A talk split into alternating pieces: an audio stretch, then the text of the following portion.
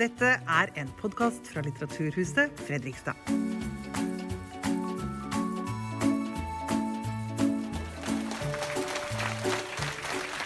Velkommen til Litteraturhuset Fredrikstad. Jeg heter Anne Fjellro og er programsjef her på huset. Og så må vi også ønske spesielt velkommen til denne salen. Den er jo oppkalt etter Wilhelm Tygesen. Det er krimhelten til Jon Michelet. Og Michelet var en av de første, om ikke den aller første, som lanserte detektiven som antihelt i Norge. Wilhelm Tygesen var en rufsete, opprørsk etterforsker. Han var på fylla, hadde trøbbel med damene. Men han løste sakene.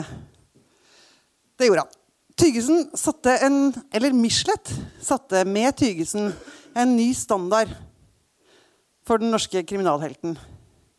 Og hvis vi skal tro på Aristoteles, og det gjør vi jo, så elsker vi jo antihelten høyere enn helten. Det er jo nettopp fordi han, eller henne, ligner litt på oss sjøl. Folkehelten Jon Michelet hadde også sine sider. Og det gleder vi oss til å høre mer om i denne samtalen med Mimir Kristiansson, som har samla noen saftige historier i sin nye bok 'Jon Michelet en folkets helt'. I perioden mellom 2014 og 2017 var Jon Michelet også styremedlem her på Litteraturhuset. Jeg er litt usikker på om det var i de årene denne salen fikk navnet sitt. Men akkurat det vet Merete Lie. Hun var leder her på huset i den perioden, fra starten i 2012 og frem til hun ble leder av Deichman Bjørvika i 2018. Merete leder også, le, eh, Merete leder også kveldens samtale, og dette gleder vi oss til. Så Mimir og Merete, vær så god. Ta-da! Og god fornøyelse.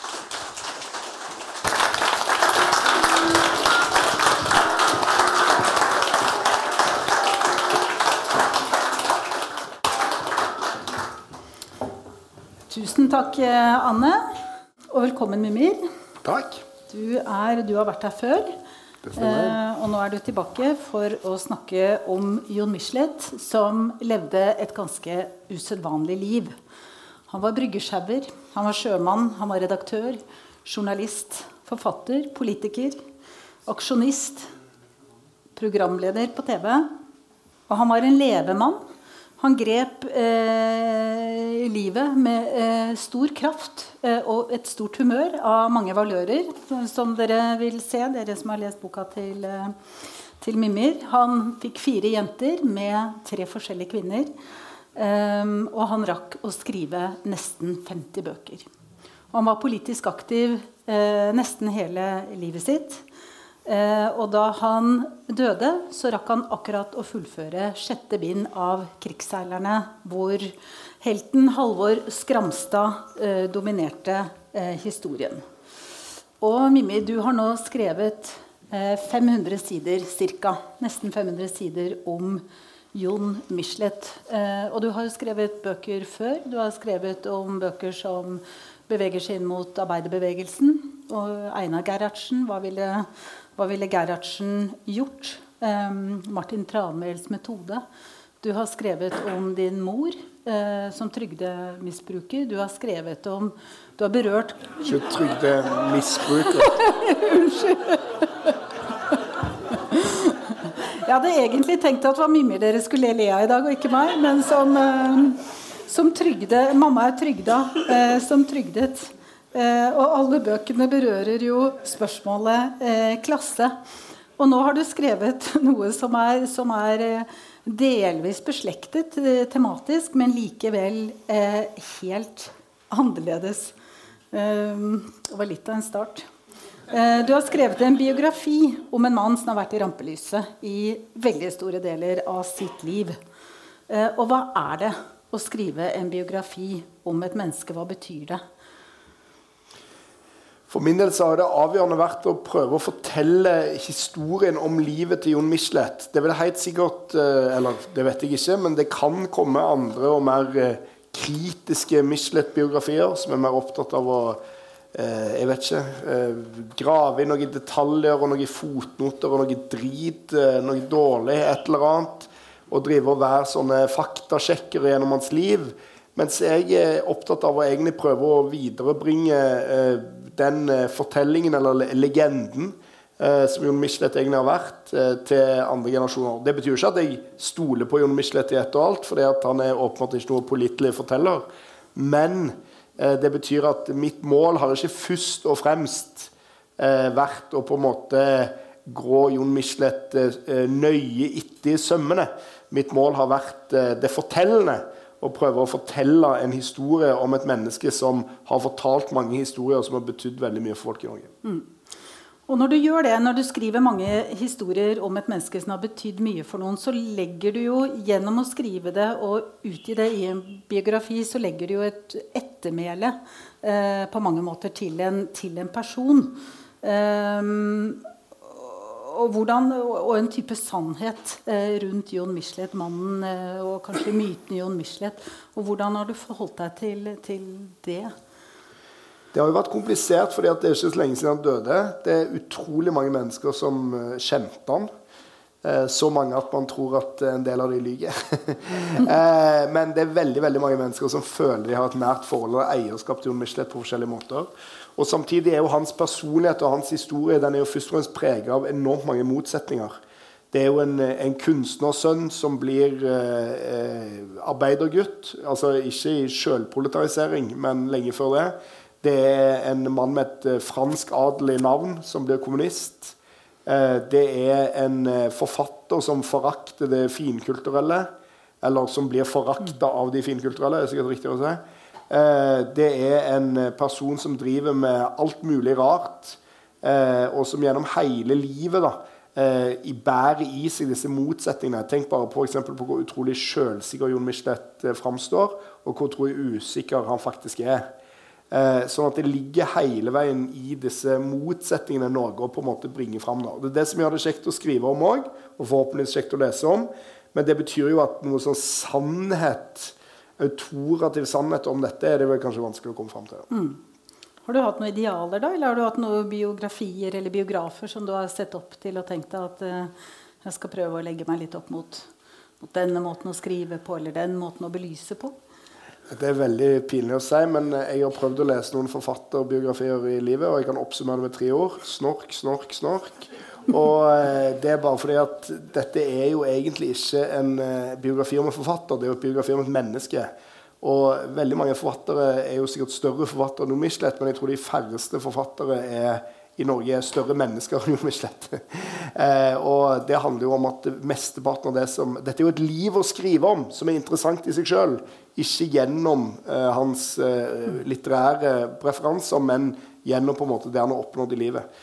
Men hvis jeg skulle finne idealer til det, så eh, Jeg har lest den Erik Bye-biografien, som jeg har glemt hvem som har skrevet. Og så den Aksel Jensen-biografien til Torgeir Meggen. Og så for så vidt den Ivo Figueredo-biografien om Ibsen. Mm. Som er vel de, de, beste sånne biografiene som jeg har lest. Mm. Men jeg leser ikke så mye biografier. Hvis det er lov å si. og jeg så Da du, da du eh, startet opp arbeidet med, med, denne biografien, så rykket du inn en eh, annonse i Klassekampen med et stort bilde av Jon Michelet eh, og med følgende tekst. Jeg arbeider med, med en biografi om Jon Michelet. Siden Jon kjente mange mennesker og gjorde mange forskjellige ting, ligger jeg våken om natta i frykt for å ha gått glipp av de beste historiene. Derfor håper jeg at de av Klassekampens lesere som har opplevd eller hørt gode historier om eller med Jon Michelet, vil ta kontakt. Uønsket, ondsinnet sladder, bakvaskelser og generelt gammelt agg. Og da lurer jeg på eh, Dette er jo åpenbart en metode som, eh, som, man kanskje ikke ser så ofte. Altså en, en biograf som rykker inn en, en, stor annonse i avisen. Men hvordan har du arbeidet med det, og, og hvordan var responsen på, på, denne annonsen? Responsen på den annonsen var jo overveldende. Altså, jeg tror jeg fikk inn 150 folk eh, som hadde forskjellige historier å fortelle. Eh, alle, de aller fleste av de er selvfølgelig helt umulig å, å skrive om i boka, fordi de gikk stort sett bare ut på at folk hadde truffet Jon Michelet en gang, og han hadde sett det. Eh, og det var jo faktisk på mange måter Jon Michelets superkraft, faktisk. At man kunne møte han en gang på 70-tallet, og da ble man sett. Og så møtte man Jon Michelet igjen på 30 år, og så husker han deg igjen når han traff deg 30 år senere, og kunne fortsatt spørre hvordan det gikk sist gang. da. En veldig bemerkelsesverdig egenskap som jeg tror utrolig mange mennesker i Norge egentlig har følt på. Men, men eh, det, altså, poenget mitt var jo at Jon Michelet var jo på mange måter en slags sånn loner. Altså ingen menneske eh, som jeg i hvert fall vet om, har vært i nærheten av han i, i, alle hans faser av livet. Har hatt kontroll på alle hans bevegelser. Selvfølgelig har han hatt venner, han har tre koner, han har fire døtre osv. Men, men de på en måte, når jeg intervjuer de, prater med de, så skjønte jeg at hos de òg var det jo svarte hull. Altså, hva gjorde Jon Michelet egentlig når han var i, i Brasil alene i 1979, liksom? Det er jo ingen av de som har noe svar på, for Jon Michelet var jo i Brasil alene i 1979. Og det, det, det kan ikke Dag Solstad vite noe om. på en måte. Eller, eller, tilsvarende på en måte, Hva dreiv han med når han dro rundt eh, til Odda og Notodden, og hvor det skulle være og holdt eh fyrige 1. mai-taler og ble igjen i to-tre dager, liksom? Hva er det som foregikk da? Mm. Og, og, da er bare poenget at jeg var ute etter å prøve å samle inn, fordi at noen av de beste historiene jeg hadde hørt, var fra ganske perifere folk. Folk som hadde møtt han én gang på byen, hadde møtt han én gang eh, når han hadde et bokbad, en gang på en litteraturfestival, og som hadde opplevd noe bemerkelsesverdig eller spennende, eller hørt noe bemerkelsesverdig eller spennende fra han. Og Grunnen til at jeg skrev det der med uønska med gammelt agg, og sånn, var jo fordi at jeg ikke orka å få de der damehistoriene. Eh, fordi at jeg bare Og det kom det heller ikke, altså. Men jeg, jeg, følte vel at det var mange, kanskje, men der to, tror jeg tok feil, da, som kanskje satt igjen med noe sånn gammel gruff av et eller annet slag som de ville ha ut. da. Og det er vanskelig altså, Når du går ut i aviser og spør har dere røverhistorier, så er det jo ekstra vanskelig hvis de røverhistoriene skal handle om at personen er en drittsekk da må du på en måte da, da, blir det vanskelig å bruke det. Da for å si det sånn. Da må du dobbeltsjekke og trippelsjekke og alt som er, går an. Da. Så det var vel det jeg prøvde på. da Men mitt inntrykk er jo at nesten ingen har dårlige historier å fortelle om universitet. Mm. Og i Norge har vi jo en veldig servil kultur overfor de døde. Som går ut på at med en gang noen er døde, så blir de kanonisert. Og ingenting galt har de gjort i sitt liv. Eh, og Det kan man jo se hvis man leser norske nekrologer, f.eks. Um, da står det ofte sånn Han var sine venners venn. Som om ikke alle som har venner, er sine venners venn. Men det er jo helt grei formulering. Men uansett da, så er bare poenget at Jon Michelet er bemerkelsesverdig godt likt blant de menneskene han har møtt. Eh, overraskende, vil jeg si, og det er overraskende lite gammelt agg mm. eh, blant de folka jeg har støtt på. Mm. Vi kjente han jo her. Han satt i styret her, og han var jo en raus og elskelig og, og veldig, veldig, hjelpsom uh, mann, sånn som vi opplevde han. Men, uh, men utover å rykke inn uh, en side i avisen, så jobbet du sikkert Du snakket med familie og du, du snakket med venner. og Hvordan samlet du materialet? Ja, altså Det er jo over 150 intervjuer som ligger bak den boka. I tillegg så har Jon Michelet skrevet nesten 50 bøker. noen gode og, og noen ikke så gode. Og I tillegg til det har han jo skrevet nesten hele sitt liv. I Klassekampen en del, i VG en del, i Vi Menn en del. Eh, og han har skrevet mye om seg sjøl. Eh, han har også vært en totalt gjennomintervjua person. Det fins knapt noe han ikke har offentlig uttalt seg om om sin egen person. Enten det skal være angst eller alkoholproblemer eller utroskap, så fins det garantert et portrettintervju med Jon Michelet i KK, eller hvor det skulle være. Altså ikke Klassekampen, men det andre KK. Eh, om, om, hvordan det var. Eh, eller i Se og Hør. Og, og, i tillegg til alt dette, da, så var jo Michelet av legning en person som var en slags sånn skrotnisse. da, Som tok vare på alt.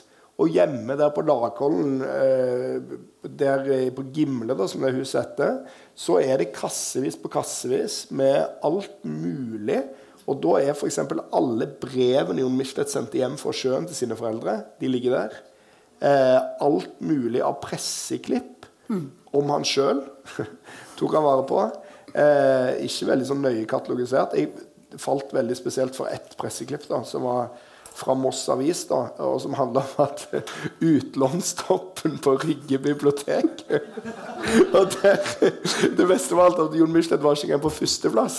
Han var på tredjeplass fordi Isabella Jende var på førsteplass. Det var greit nok, det var i 1989 eller noe sånt. Men nå var liksom eh, Jon Michelet var endelig noen fra Rygge på utlånstoppen på Rygge bibliotek. Og det er bare en klippe ut og ta vare på bitte liten sak. da. Så det sier mye om en person som ja, i hvert fall, Det har vært veldig mye kilder å grave i. da. Og jobben har jo ikke egentlig vært å finne nye ting. Jobben har jo vært å unngå, altså å finne ut hva du skal kutte ut. da. Hva som ikke er verdt å skrive om. Mm. Og så tenker jeg Når du da beveget deg inn i dette enorme materialet fra utklippene som han har hatt liggende, historiene, intervjuene, hele den, eh, og din egen kunnskap eh, om Michelet før du startet, så, så, er det jo ofte eh, sånn at sympatien eh, gjerne vokser for den man skriver om. Eh, men det motsatte kan også skje.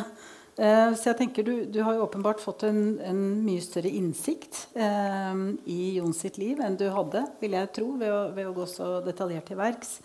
Eh, men føler du en, en, større sympati for Michelet når du nå har skrevet biografien, eller har du like gjerne fått en kritisk distanse til, eh, til personen? Altså, Rett før det var deadline og to uker igjen til valget, var jeg så lei av Jon Michelet. Jeg vil faen ikke høre om han igjen. men, men, det er jo noe helt annet. Men det er bare Jeg vil jo mene at det som er sympatisk synes jeg, med å oppdage Jon Michelet i på en måte å grave dypere i Jon Michelet, er å oppdage mm. hvor sårbar og usikker han var.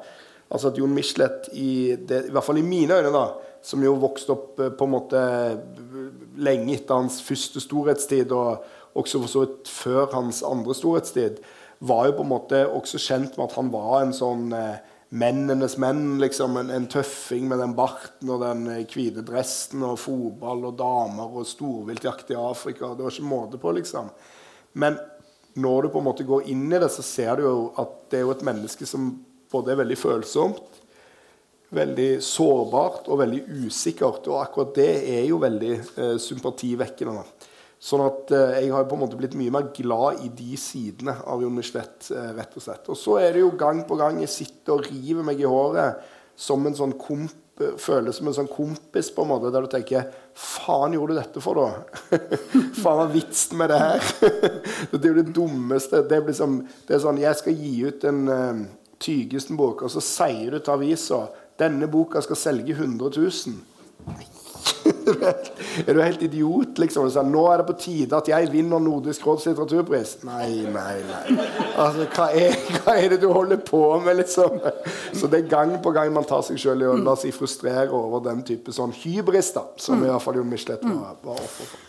Og det skal vi komme, komme tilbake til, den, uh, egentlig den anerkjennelsen som han jaktet på uh, store deler av livet uh, som forfatter, og, og følelsen av kanskje å føle seg underlegen i forhold til kollegaer. Og Dag Solstad etter hvert ble en venn som, som hadde nettopp den anerkjennelsen han var på jakt etter. Men jeg tenker vi er ganske vi er jo ganske tett på Jon Michelet sitt liv. Han døde i 2018. Eh, hadde akkurat fullført eh, 'Krigsseilerne'. Vi er, veldig, vi er, veldig, tett på hans historie eh, og, og, husker han godt. Han levde intenst, han levde eventyrlig, og han hadde sine, sine opp- og nedturer.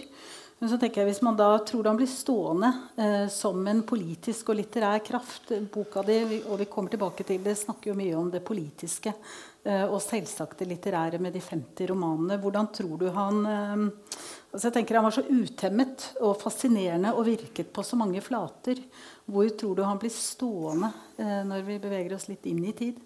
Veldig vanskelig spørsmål. fordi at Eh, det som vil bli glemt, er jo helt klart eh, den legenden om Jon Michelet som er sånn et menneske man har møtt, et menneske man har sett snakke, eh, et menneske man har sett i aviser. Alle disse tingene er jo forgjengelige, veldig forgjengelige.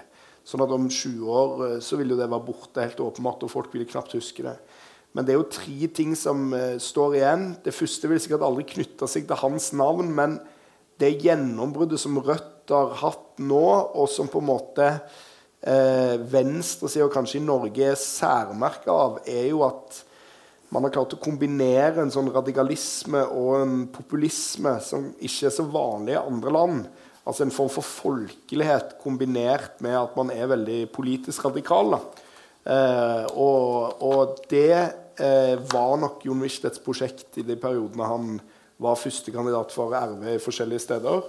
Og han lykkes jo på en måte bare delvis med det sjøl, men det er jo åpenbart en avgjørende faktor for at vi har lykkes med det. da. Så det er det ene, men det vil sikkert ingen huske Jon Michelet for. Da. Det vil sikkert noen andre få æren for. Men det er det ene. Men det andre er jo at han eh, totalt fornyer krimsjangeren. Om han ikke på mange måter introduserte krimsjangeren egentlig skikkelig i Norge. Det bør han huskes for. Dessverre så er det jo sånn at eh, når du er litterat, så er du veldig lite interessert i krim. Eh, eller du er, du er, utrolig interessert i å være lite interessert i krim. er vel egentlig. Og, og dermed så kan det hende han blir glemt for det òg. Det tredje som han jo sannsynligvis vil bli huska for, er jo det krigsseiler-eposet. da. Og det har jo vært et, et, et, i mine øyne et særegent minnearbeid på vegne av krigsseilerne som ja, man, altså, Er det en bok eller en bokserie? Det, det vil jeg være uenig i. Det er et slags monument mm.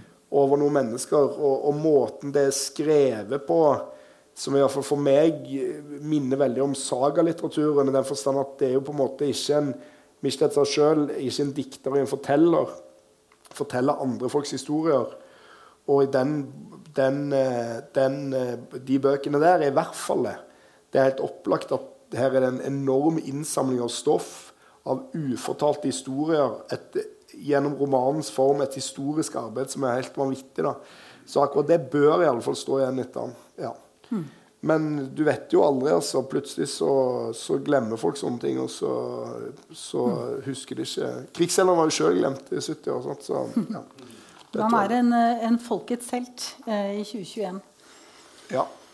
Jeg tenker at eh, um, Jon Michelet levde jo på veldig, han levde jo på mange måter mange liv i ett. Når jeg leste denne eh, biografien om eh, Michelet, så tok jeg med å tenke at jeg selv hadde det ganske kjedelig. Jeg beveger meg rundt i relativt eh, fast tralt, mens han var eh, en eventyrer eh, og hadde enormt mange, virket på så mange flater. Journalist og redaktør, forfatter, bryggesjauer, vært til sjøs. Han var jo her med, med krigsseilerbøkene sine. Jeg tror nesten uh, de første fem bindene at han var innom oss. Og han var jo en fest å introdusere fordi det var så mange innganger til å, til å snakke om Jon. Uh, han var jo født i, i 44 i Moss. Han vokste de første barneårene på Larkollen før de flyttet inn til Oslo. Han var enebarn. Eh, Fred og Freddy, eh, som var mor og far. Han var utdannet journalist, sentral i ML-bevegelsen. Dro til sjøs eh, og hadde da denne enorme suksessen med 'Sjøens helt' etter alle disse eh, årene som forfatter. Men jeg tenker Hvis vi går litt tilbake for å forstå hvem John Michelet var Hvor kom han fra? Hvem, hvem var familien hans? Og hvordan vil du be beskriver liksom oppveksten hans med noen, noen setninger? Nei, altså Jon Michelet kom fra en familie som var preget av sånn fallen, fallen storhet. da. Altså, i, For det første, Michelet-familien på farssida kom fra noe fransk adel som var henta inn her på 1600-tallet som leiesoldater for å drepe svensker. Og, og mora kom jo fra Evje hovedgård og liksom store greier som hadde gått tapt gjennom bankkrakket på 20-tallet.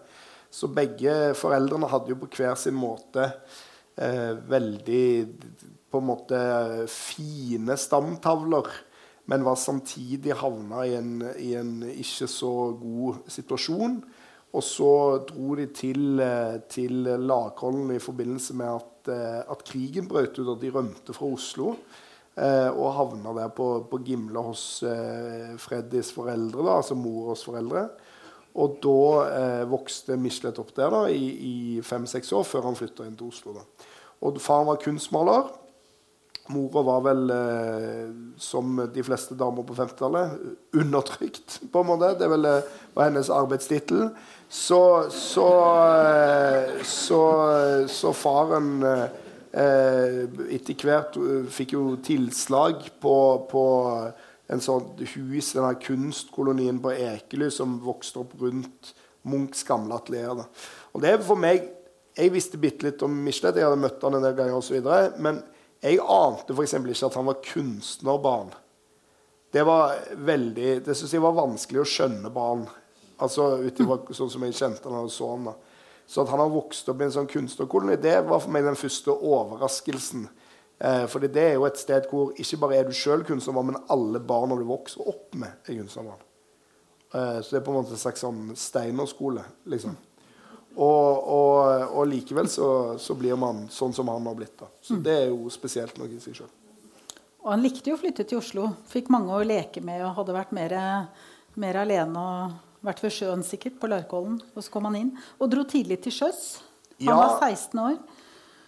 Ja, 17, 17 år. 17? Nesten 18. Men, men, eh, men, det er jo to ting som er viktige å, å huske på her. Jo, jeg ser jo på salen at det er flere av dere som, eh, sikkert vil huske mer av dette enn meg. men, men, det er, men, det er, jo På den tida var det ikke så uvanlig å dra til sjøs. I dag framstår det som en helt sånn Robinson Crusoe-aktige ting. Liksom. Men på den tida var jo det ganske normalt. Og også eh, Det var redersønner som dro til sjøs. Det var liksom ikke noe sånn som en del av det å bli lært opp til å drive pappas altså, Det var liksom ganske, en ganske normal ting. Ikke noe ukjent eller fremmed. En vanlig type yrkesvei der du fikk se litt av verden, jobbe et par år på sjøs, og så ferdig med det, liksom. Ikke sånn totalt uh, ute, da. Eh, men, men, han gjorde nå det, da. Sammen med, og, og flere av de i hans bekjentskapskrets òg gjorde det. Og, og, det var vel eventyrlysten som var liksom det drivende. da. Man snakker mye om dette sjølpolteiset med AKB, men 17 år gammel hadde Jon Michelet aldri hørt om AKB. AKB fantes ikke, så det var ikke så rart. Og det hadde ingenting med det å gjøre. da. Det var et ønske om å på en måte se verden, komme seg ut, ut av noen trange rammer. Eh, og det gjorde han jo da, og lykkes han jo med. da. Men på sjøen ble han jo innhenta av at han var en kunstnersønn. ikke sant? Sånn at han løy jo på de båtene om at han hadde artium, som han var den sikkert eneste som hadde, men som han ikke ville fortelle noen. Og han påstod også at faren var maler.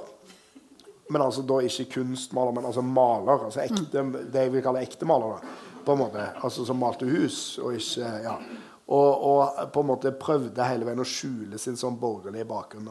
Og Jeg har jo intervjua en del av de gjenlevende som har vært på sjøen med han. Og Jon Michelet har jo breia seg vet du, i avisene. 'Å, fy faen, jeg var på horehus og jeg òg'. Og så snakker du med de, og du sa 'Jeg husker som en veldig stille gutt'. eh, leste mye. Var mye alene på lugaren. så, ja, så det, her er det et eller annet eh, i, i krysningen. Betyr det at de, Han sendte jo brev hjem til sin mor. Hva var det han, han ble bedt om å, å, sende brev når han kom i havn? Og Han mente jo han diktet mye. Kanskje han ikke diktet fullt så mye som, uh, som han skulle ha det til? Nei, altså det er jo en måte å forstå uh, hans uh, hang mot det skjønnlitterære, er jo de brevene hjem til mor, da, som jo har mye oppspinn, selvfølgelig.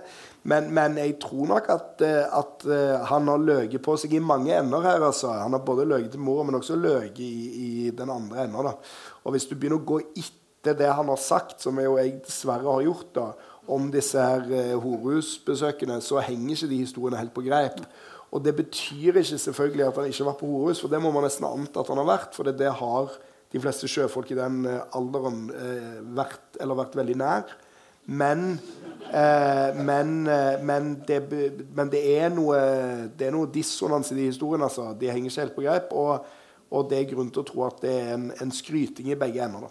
Mm. Rett og slett. Og han var jo til sjøs, og så utdannet han seg etter hvert som eh, journalist.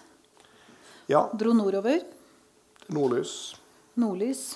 Fortell om den, eh, den, perioden. Det var jo da han eh, fikk sitt første barn. Eh, han giftet seg vel kanskje ikke, men han, han, jo, han giftet seg med von de Lippe. Og de fikk en datter. Og de skrev fra Winston Churchill seg i Tromsø. Det stemmer. Nei, altså han Når han gikk i land Først ble han jo styrmann, og så når han gikk i land til slutt, så ble han journalist. Og så gikk han på Journalisthøgskolen eller Journalistskolen, som det het på den tida. Og så ble han sammen med eh, en som heter Bente Fortalippe, eh, som var eh, også kunstnerdatter og intellektuell og, og fantastisk vakker, påstår alle. Men det, har, det, kan hende. Det vet jeg ikke. Jeg har ikke møtt henne. Så, sånn var det. Og så fikk de, fikk de barn, Tanja, da, og så flytta altså de flytta til Tromsø og fikk barn rett etterpå. Da. Og i den eh, perioden der så jobba han i Nordlys, og det var Tromsø på den tida var sånn eldorado. Eh, det var en ny by som ble bygd altså Byen hadde jo eksistert i et par hundre år allerede, for den er ganske ny, den byen også sånn fra gammelt av. Men nå skulle det etableres universitet, teater. Man skulle bygge gjennom denne Nord-Norge-planen Nord-Norge. Alt mulig. Og masse unge, radikale mennesker flytta nordover. Byen vokste utrolig fort. Den hadde nettopp brent. Den ble bygd opp igjen osv. Det var et utrolig sånn, eh, pulserende miljø å være en del av. Og i tillegg fikk jo Michelet utløp for veldig mye av det han på en måte hadde drømt om. da. Dra på hvalfangst, dra til Svalbard, reise rundt som korrespondent for Nordlys alle mulige steder. Eh, og så var det bare ett problem. da. Og det var jo at eh, på den tida var ikke Arbeiderpartiet eh, så veldig sånn eh, ja, Nå er kanskje ikke Arbeiderpartiet så tolerant i dag heller, men det var ikke så veldig tolerant da. i alle fall. Og, og det å være en sånn avviker i sikkerhetspolitiske spørsmål, det var på en måte ikke helt velkomment. Og Jon jobba jo i en Arbeiderpartiavis, Nordlys. Og den avisa den var jo ikke snauere enn at når den oppdaga at han hadde en Nato-kritisk holdning, så rapporterte jo redaktøren i hans egen avis han til overvåkningspolitiet. Eh, så det var jo sånn det fungerte. da. Og så var jo han både en stabukk og en, en uh, hissigpropp, så han var jo ikke i stand til å, å tøyle seg sjøl. Eh, men tvert imot kasta seg inn i kampen mot EEC og alt som var ville reise en stat over Ho Chi Minh i Tromsø, bl.a. Og alt dette ble jo dårlig tatt imot av Arbeiderpartiledelsen i den avisa. Og det endte jo da med at han fikk sparken. da. Så det er jo et paradoks egentlig òg, at på en måte så, så viste jo Arbeiderpartiet i, i, i, utstøtingen av han og andre ML-ere en veldig sånn illiberal tendens, da. Rett og slett. Mm. Og da begynner vi å nærme oss eh, det, det, mm, den fasen hvor han uh, treffer Trond Øgrim. Han dro vel til Hamar etter å ha bodd uh, i Tromsø. Han ble forlatt av kone, som tok med seg datter og, og flyttet. Og han hadde en litt sånn Gikk på en smell, kan man si, i livet. Dro sørover, dro til Hamar. Traff Trond Øgrim. Og hva skjedde der? Nei, altså for det første så var jo Grunnen til at det tok så lang tid for Jon Michelet på Embeksen, var at han var litt eldre enn de andre ML-erne. Han hadde vært på sjøen og, og hatt et litt sånn hederlig yrke. og sånn, Så sånn på en måte sånn gymnaspolitikk i Oslo var litt mindre interessant kanskje enn det var for de som jo gikk på gymnaset i Oslo. Og Derfor tok det jo litt tid før han endte opp i det der. da. Men når liksom alt i livet var borte, så havna han i ME-bevegelsen.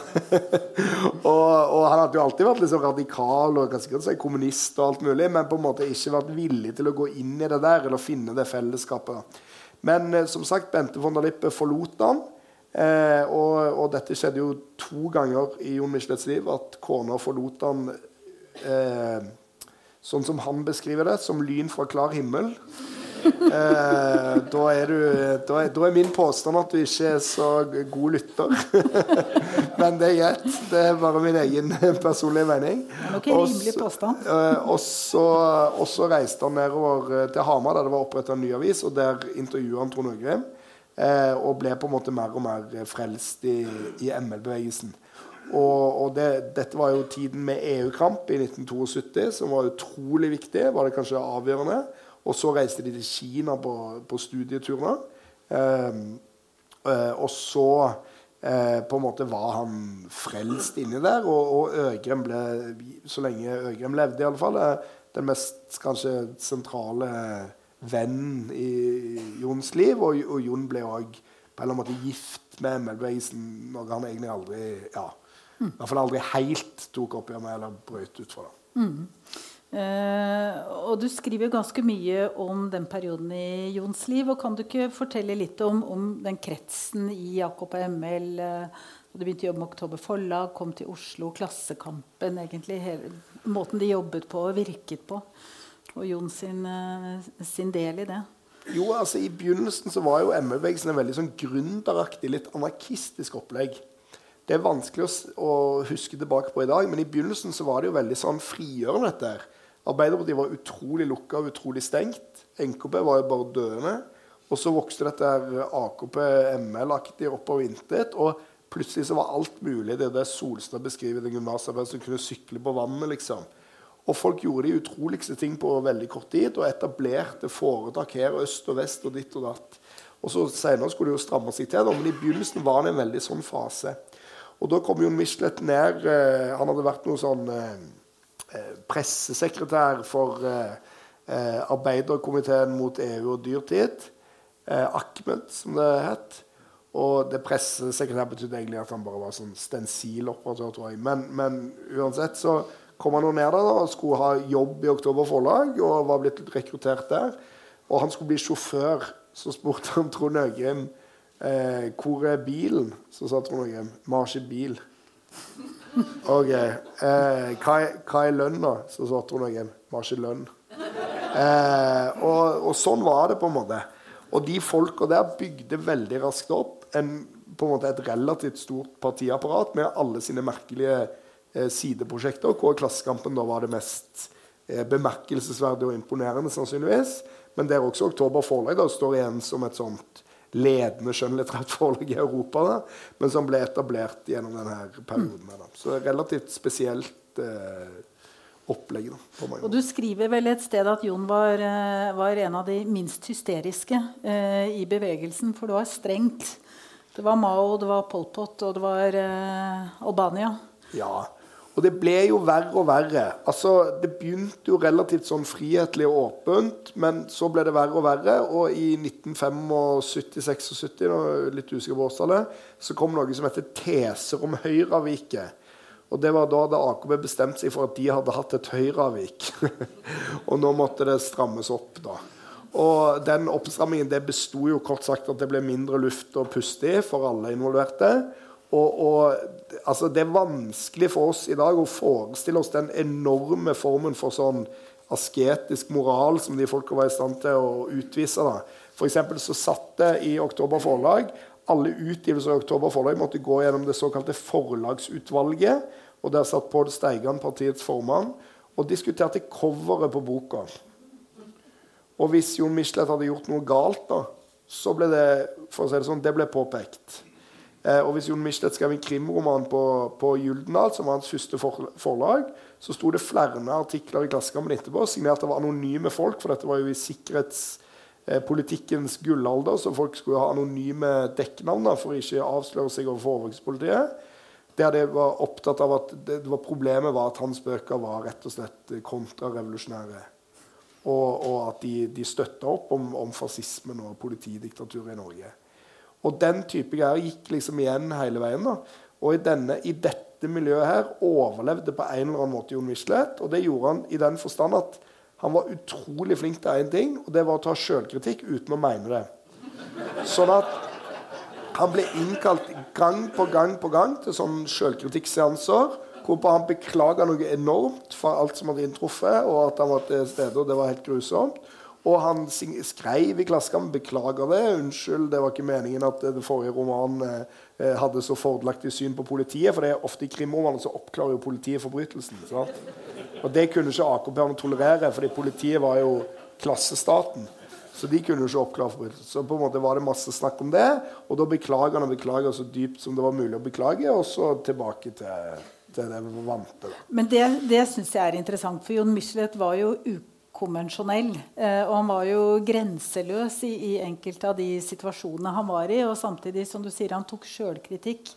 Eh, han gikk inn i diskusjonen om, eh, om coveret. Han skrev i avisen, beklaget seg for at han hadde vært for skikkelig og for borgerlig. Og jeg tenker, Hvordan får du det til å henge sammen? Altså, han ble jo til og med, han ønsket jo, da han og hans kone nummer to, Toril Brekke, ønsket å kjøpe en bil, så, så, ville de kjøpe en Volvo. Og han fikk eh, beskjed av partiet at den bilen er for borgerlig.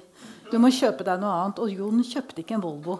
Eh, og det syns jeg er interessant. Den, den eh, måten dette Michelet innordnet seg partidisiplinen på. Ja, Det er nesten helt uforståelig, og du spør hvordan jeg får det til å henge i hop. Jeg, jeg får det nesten ikke til å henge i hop. det er et eh, som du sier, grenseløst og veldig frihetlig menneske som på en eller annen merkverdig måte klarer å underordne seg en, en disiplin og en askese som er eh, helt fremmed nesten for oss i dag, utenom i veldig religiøse eh, grupperinger. Eh, F.eks. når den Orions belte kom ut, som er en av Jons absolutte bestselgere, så tror jeg Jon ender opp med å få eh, godt under 1% av inntektene. For resten skal til partiet. Sant? Sånn at på en måte han, Det er et sosial dumping-tilfelle uten sidestykke i litteraturen. egentlig. Og, og, men sånn er det bare. Det er ikke noe å opponere på det. Altså, det er han helt enig i, egentlig. Men på en eller annen måte så er partiet noe han føler en dyp og inderlig lojalitet til. Det er en veldig sterk politisk tro, ikke basert på at man er begeistra for Mao Zedong og diktatur, men på at man har tro på at eh, folk i tredje verden, som er i hvert fall er særing, eller ikke særing, men viktig for Jon, at folk i tredje verden skal reise mot kolonimaktene. At den tredje verden skal på en måte eh, At Mao Zedong kanskje er med i leder for det der. Og på bakgrunn av det så skal liksom det skje en stor forandring og forbedring i verden. Og denne ideen tror han så sterkt og inderlig på at det får heller være at han ikke får kjøpe den bilen han vil. Mm. Og det er på en måte vel egentlig sånn det er mulig å forstå det. da. Og nesten alle andre autoriteter som jo Michelet støter på, gjør han opprør med eller havner i problemer med utenom AKB. Eh, eller havner jo i masse problemer med AKB, det er jo ikke det. men altså på en måte han underordner seg alltid til slutt, er poenget til slutt Han går aldri. Liksom. Han på en måte blir igjen og igjen, og uansett hvor dårlig de behandler ham. Og Det er vanskelig å forstå, og jeg vet ikke om jeg forstår det, men det kommer av så vidt jeg kan forstå, en utrolig sterk tro på, på det prosjektets uh, sider. Da. Beste sider, iallfall. Mm. Nei, du, du, nevnte jo det. Han kom med den første Tygesen-romanen i 75. Han, fikk jo, eh, han utga på det borgerlige forlaget Gyldendal. Og, og, Oktober var vel opptatt med å oversette Mao og tekster fra Albania på den tiden. Og var slett ikke interessert i krim. Um, og han fikk jo delvis litt kritikk. Hvordan, hvordan uh, utviklet Tygesen og krim Du var så vidt innom det. Han fikk jo Riverton-prisen flere ganger. André Bjerke rynket på nesen av å få Jon Michelet inn i det gode eh, selskap på krimsiden. Og han følte seg på mange måter eh, underlegen som forfatter. Ikke bare fordi han fikk flengende kritikk av anonyme skribenter i Klassekampen, men han følte seg ikke helt opptatt i det gode selskap. Nei, altså Det Jon Michelet gjorde, da, var at han tok den eh, Sjøvald og Valø Valou, Valø, jeg vet ikke hva man sier, Sjøvald og Valø heter det vel. Tradisjonen fra Sverige inn i Norge. altså med andre En sånn samfunnsbevisst krim der kapitalismen på en måte er skurken. Sånn er det i Jon Michelets bøker. Hvis du leser Jo Nesbøs bøker, så, så, er det jo sånn at uh, de, de, skurkene de er alltid splitter pinne gale. Det fins ingen forklaring på hvorfor de gjør hva de gjør. For eksempel, han Snømann han, han, er jo sånn han har fått sånn hudsykdom. Det samme som Gunhild Storedalen har. Og han har fått en hudsykdom, og på bakgrunn av den så må han bare drepe masse folk. Men Gunhild Stordalen går jo ikke rundt og dreper masse folk, så det er på en måte ikke en veldig sannsynlig teori. Mens hos Michelet så er alle skurkene alltid bare egentlig produkter av kapitalismen og dens urettferdighet, og derfor er det sånn. Det kan man òg selvfølgelig gjøre seg morsom på bekostning av, men det er noe særegent. da. Så det at samfunnet er forbryteren, er vel det han bringer inn i krimlitteraturen. Og så skriver jo han en form for kredibel krim da, som, eh, som eh, ikke eh, andre gjorde. Krim var mye mer I dag er jo krimmen mye mer akseptabel sjanger for mange, men var jo en del av kiosklitteraturen veldig definitivt da. Eh, og, og, på en måte bringe det inn. Så han har fornya den eh, krimsjangeren. Men problemet til Jon Michelet var jo at han drømte jo på en eller annen måte i sine merkeligste stunder om å vinne Nobelprisen i litteratur. Og, og, det kan man jo si at alle forfattere bør gjøre. på en måte. Altså, det er jo ikke noe gale, det. Men, men det er jo en stormannsgal ambisjon.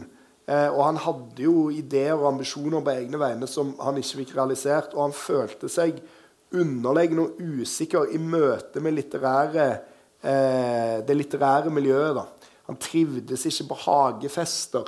Eh, han syntes ikke at det var på en måte et miljø å, å ferdes i.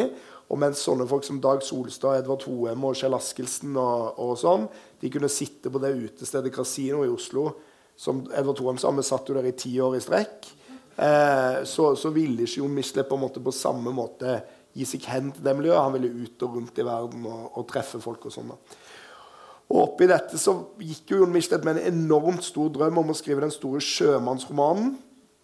Som allerede på 70-tallet skal han ha sagt til Jens Bjørneboe at han drømte om å skrive om krigsseilerne. Hvor Bjørneboe skal tipse han om å ikke eh, heroisere dem for mye. Så det rådet hørte han på en måte ikke på, men det er greit. Uh, og så uh, etterpå så begynte han med en sånn stor trilogi som han skulle skrive om uh, seilskutetida og gulsottfeberen som herja i Santos på slutten av, altså i Brasil på slutten av 1800-tallet, som tok livet av mange hundre norske sjømenn. Og når første, det første bindet i den boka kom ut, Tiger Bay, så slår Jon Michelet fast på coveret til boka dette er mitt livsverk. Skjønner, sant? Nå er du 35 år. Sant? Dette er mitt livsverk. Og, og, dette skal bli så utrolig bra. Og jeg på en måte jeg, dette, dette, blir verdens største roman, liksom. Altså, skjønner du? Og, og, og, åpningen er sitat fra Moby Dick, liksom. sant?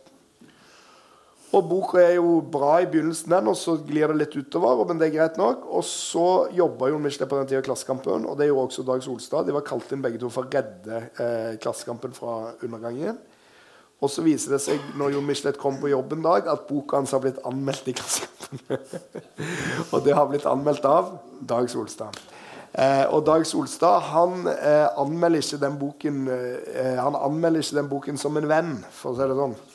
Han anmelder den boken eh, nådeløst brutalt, og kanskje uten å kjenne til sin egen betydning eller styrke. på mange måter. Og det ender med at boka ligger og flyter uten eh, vind midt i Gjevlebukt. Liksom, sånn er på en måte Ligger bare og driver uten å komme noen vei. Sånn, sånn ender anmeldelsen. Og det klikker jo for Michelet. Han reiser seg, forlater redaksjonen, kommer ikke tilbake på flere dager.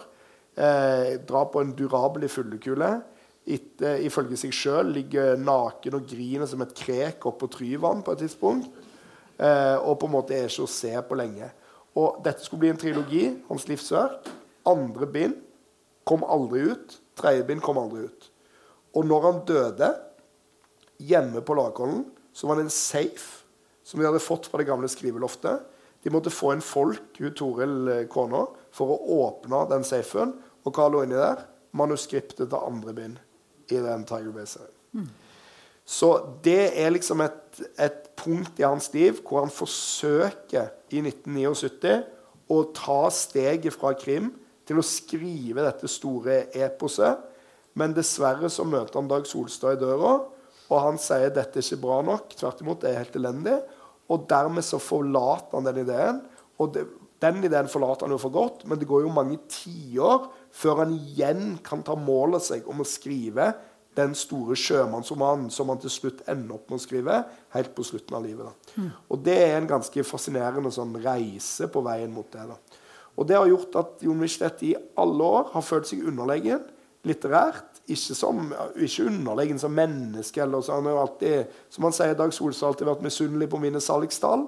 Så, så, men, men, han har alltid følt seg underlegen eh, på en måte som forfatter underanerkjent som forfatter, og det er han òg.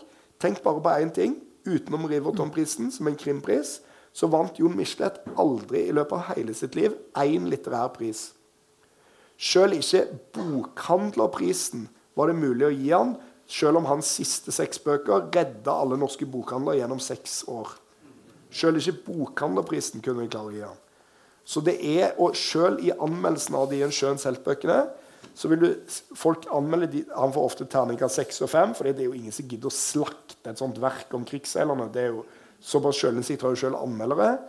Men i, i, i, de anmeldelsene så kan du lese underveis hele veien dette er egentlig ikke bra litteratur.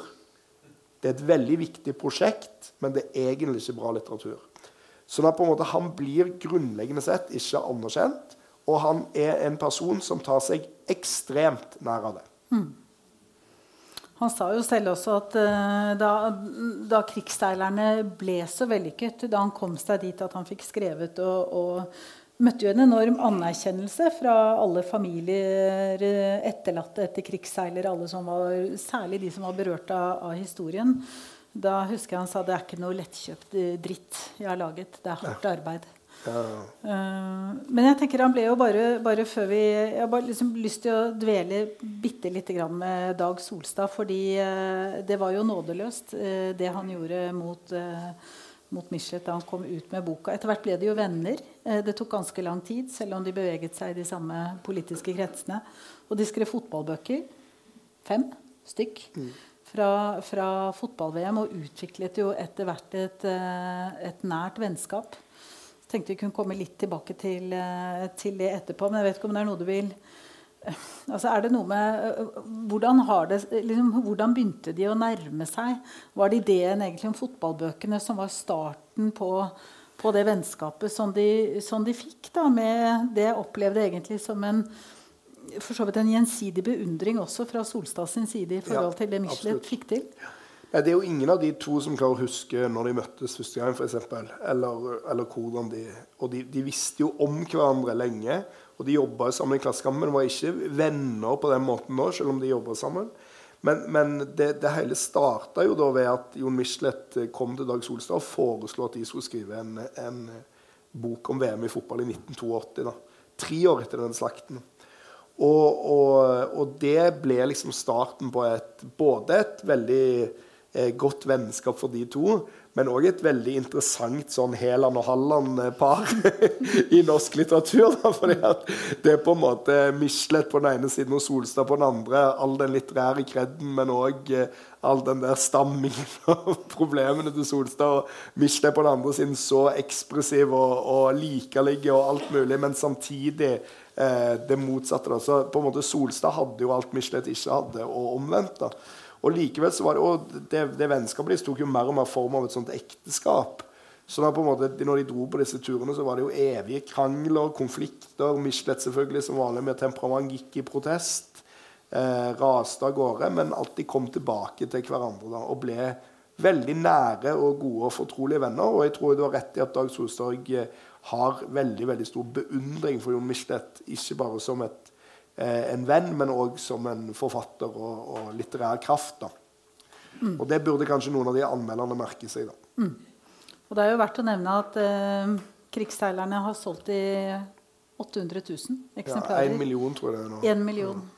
Eh, det er helt eh, enormt. Jeg tenkte vi skulle åpne opp for spørsmål. Det er mye vi ikke har kommet innom. Det er mye vi ikke rekker. Men jeg skulle gjerne at du leste litt fra, eh, fra um, bisettelsen til eh, Jon Michelet i Rygge, hvor Dag Solstad nettopp får fram mye av det mennesket eh, Jon Michelet eh, ble sett på. Det kan jeg gjerne Jeg skal bare lese en annen ting først, som er så løgn at jeg føler jeg må lese. eh, og det kom av at Jon Michelet hadde jo veldig mange år ikke så mye medgang i livet. Han hadde et veldig sterkt 70-tall, et ganske sterkt 80-tall, og så ut på 80-tallet så begynte det å gå eh, galt. da. Eh, og da gikk ikke bøkene hans så bra, og han fikk eh, dårlig råd, og han, eh, han eh, sleit med, eh, kort fortalt, å få endene til å møtes. Nå skal jeg bare prøve å finne dette. da. Og, og, på et eller annet tidspunkt så, så, var han så misfornøyd med det han tjente, at han sendte et brev til eh, Gyldendals eh, administrerende direktør, eller forlagssjef, Geir Mork. Og det er sånn som dette er. Etter at jeg hadde sendt en sinna Dette er et brev jeg fant hjemme hos Jon på, på Lakholm, altså, så det er ingen som har eh, hørt det før. Etter at jeg hadde sendt en sinna telefaks til deg i ettermiddag, gikk jeg opp på Vi Menn for å hente post som ennå kommer dit. Da han jobba på Vi Menn. I bunken lå lønns- og trekksoppgaven fra Gyldendal Norsk Forlag. Den blidgjorde meg ikke, for å si det mildt. Kopi ligger vedlagt. Tallet i rubrikk 41 for utbetaling til selvstendig næringsdrivende er dårlig leselig, men det skal altså være 620. Ta det tallet innover deg, mann! Tenk jævla nøye på det tallet, kamerat forlagssjef. 620 kroner var altså hva forfatteren Michelet tjente på Gyldendal i fjor. Det er like mye som du tjener fra du kommer på kontoret en morgen til du får lagt beina på bordet. Gyldendal Norsk Forlag har gitt ut følgende av mine bøker. 'Den drukner ei som hengeskall' 1975. 'Mellom barken og veden' 1975. 'Jernkorset' 1976. 'Hvit som snø' 1980. 'Terra Roxa' 1982. 'Vår afrikanske eksplosjon' ca. 1986. Husker ikke når gitt ut boka. 'Flygende brasilianer' 1-4 1987-1989. De seks første er alle sammen utgitt på tysk. 'Jernkorset' så sent som i 1995. 'Hvit som snø' dertil på spansk. 'Terra Roxa' på svensk. De to første krimbøkene på svensk og dansk. Barneboka på Afrika på samtlige nordiske språk. 'Brasilianer' på dansk, nederlandsk og svensk. Jernkorset og Terra Roxa vant hver sin store romankonkurranse. Gyldendal fikk rettigheten til å utgi hele Tygesen seg som paperback, inkludert de fire bøkene som Oktober gitt ut. Forutsetningen var at noe skal gjøres. Ok. Kanskje mitt forfatterskap er steindødt på Blindern. Kanskje alle bøkene av Gyldendal har av meg backlist ikke lenger noen storselgere. Kanskje ditt og kanskje datt. Men forfatterskapet står ennå ganske sterkt blant folk flest. Det burde være mulig å gjøre noe med det i en situasjon der min sentrale romanfigur er sett på TV av 750 000 innbyggere, en snau fjerdedel av befolkningen. Men hva i det mest hestepikkforpulte horehelvete gjør Gyldendal? Ikke en dritt! 620 kroner. Det er ikke engang peanøtter. Det er peanøttskall som noen har gugga ut på fortauet og tråkka til smuler. Det forlaget som ikke greier å gjøre mer ut av en såpass stor portefølje, kan i lengden ikke være mitt forlag. Jeg finner meg rett og slett ikke i å bli behandlet som en ikke-person av snobber og duster på Gyldendal. At jeg har to forlag, Oktober og Gyldendal, er et historisk faktum. Sånn ble det. Grinebiterne får tolke det åssen de vil. Et Gyldendal som ikke legger to pinner i kors for meg, vil jeg ikke ha noe med å gjøre. Hvis ikke Gyldendal får ræva i gir, bryter jeg enhver forbindelse med Gyldendal. Dvs. Si at jeg trekker hele mitt forfatterskap for Gyldendal, så kan dere sitte der og leke butikk. Med enda mer rasende eitrende hilsen Jon Michelet. og sånn eh, tror jeg mye av de 80- og 90-årene var da. Jeg tror egentlig det oppsummerer mye av hans 80- og 90-tallet. Greit, Da skal jeg lese om begravelsen her eh, til slutt. Uh, ja, det er epilogen, da. April er i ferd med å velge seg bort, og mai er i lufta allerede. Siden 1170 har Rygge kirke stått der, men sjelden har steinveggene sett et lignende opptog. Til kirka stimler de sammen, ikke akkurat noen Guds utvalgte flokk, men en salig røre av troende og ikke-troende. Her er de alle sammen. Edvard Hoem og Dag Solstad, Gunilla og Toril, politiske våpenbrødre fra AKB, Klassekampen og Oktober. SV-leder Audun Lysbakken og Rødt-leder Bjørnar Moxnes. Naboer og venner, og døtrene selvfølgelig, Tanja, Marte, Ellen og Stella, med sine barn og kjærester. Guds flokk er ikke dette, det er flokken til Jon Michelet. Nå ligger han i kista med Michelet-nesa rett til værs. Han drømte lenge om å dø med støvlene på, men det gjorde han altså heldigvis ikke. Han døde en stille død, omgitt av dem han elsket. I livet hadde han vært mange ting. Indianer, bryggesjauer, sjømann, journalist, redaktør, forlegger, forfatter, politiker, men også far, ektevenn, ektemann, venn og kamerat. I perioder har han også vært folkefiende, sviktet av leserne og avvist av velgerne. Han har vært overvåket av politiet og dømt i Høyesterett, utskilt av feministene og latterliggjort som riksklovn. Men nå er alle vonde ord blåst bort. Han talte for de ufrivillig tause. Den arven skal vi ta med oss, sier kulturminister Trine Skei Grande fra den staten som overvåker ham. De siste årene av sitt liv har Jon Michelet blitt elsket på en måte som nesten bare Erik Bye og de kongelige har vært i Norge før ham. En sjøens heltbøkene har solgt i over 750 000 eksemplarer. Han er en av våre mest folkeskjære diktere. Med storverk over krigsseilerne har han reist en bauta også over seg selv. Kirka er full. Det er også kapellet ved siden av, der seremonien overføres på store skjermer. Langs midtgangen der Jons kiste står, henger hvite blomsterkranser. Og fra taket dingler en modell av en seilskute. Presten leser en siste hilsen fra Ingvald Wahl, som i en alder av 98 er for skrøpelig til å komme. Rabagassen og krigsseilerne overlevde ikke bare konvoifarten og krigen, men også sin 25 år yngre forfatter. Hans hilsen er kort og uten dikkedarer, du var en god venn. Jeg savner deg. Så stiger et krøllete hode fram. Krøllene er hvite nå og med mindre spredt enn i ungdommen. Det er Dag Solstad som har ordet, venn som nesten aldri blir fornøyd med Jon uansett hva han gjør. Slakteren fra Tiger Bay. Solstad kremter. Hvis Jon Michelets virke på jorden kan sammenfattes i ett ord, må det bli storslagen. Han var på alle måter, fra ytterst til innerst, storslagen. Så forteller Dag Solstad en historie som ikke er sann, og får forsamlingen til å le. Men til slutt kommer alvoret over ham.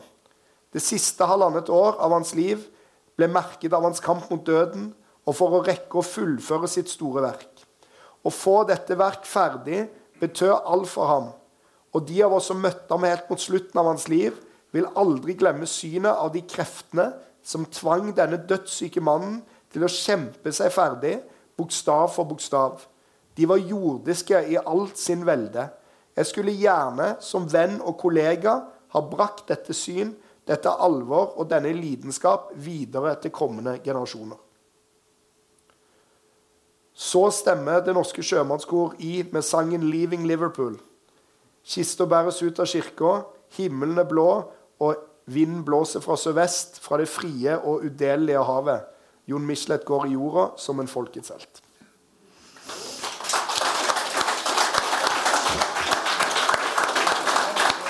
Du har nå hørt en podkast fra Litteraturhuset Fredrikstad. Vi er sponset av Fredrikstad kommune, Viken fylkeskommune, Fredrikstad Energi, Kulturdepartementet, Handelsbanken, Fritt Ord, Fredriksborg og verksted.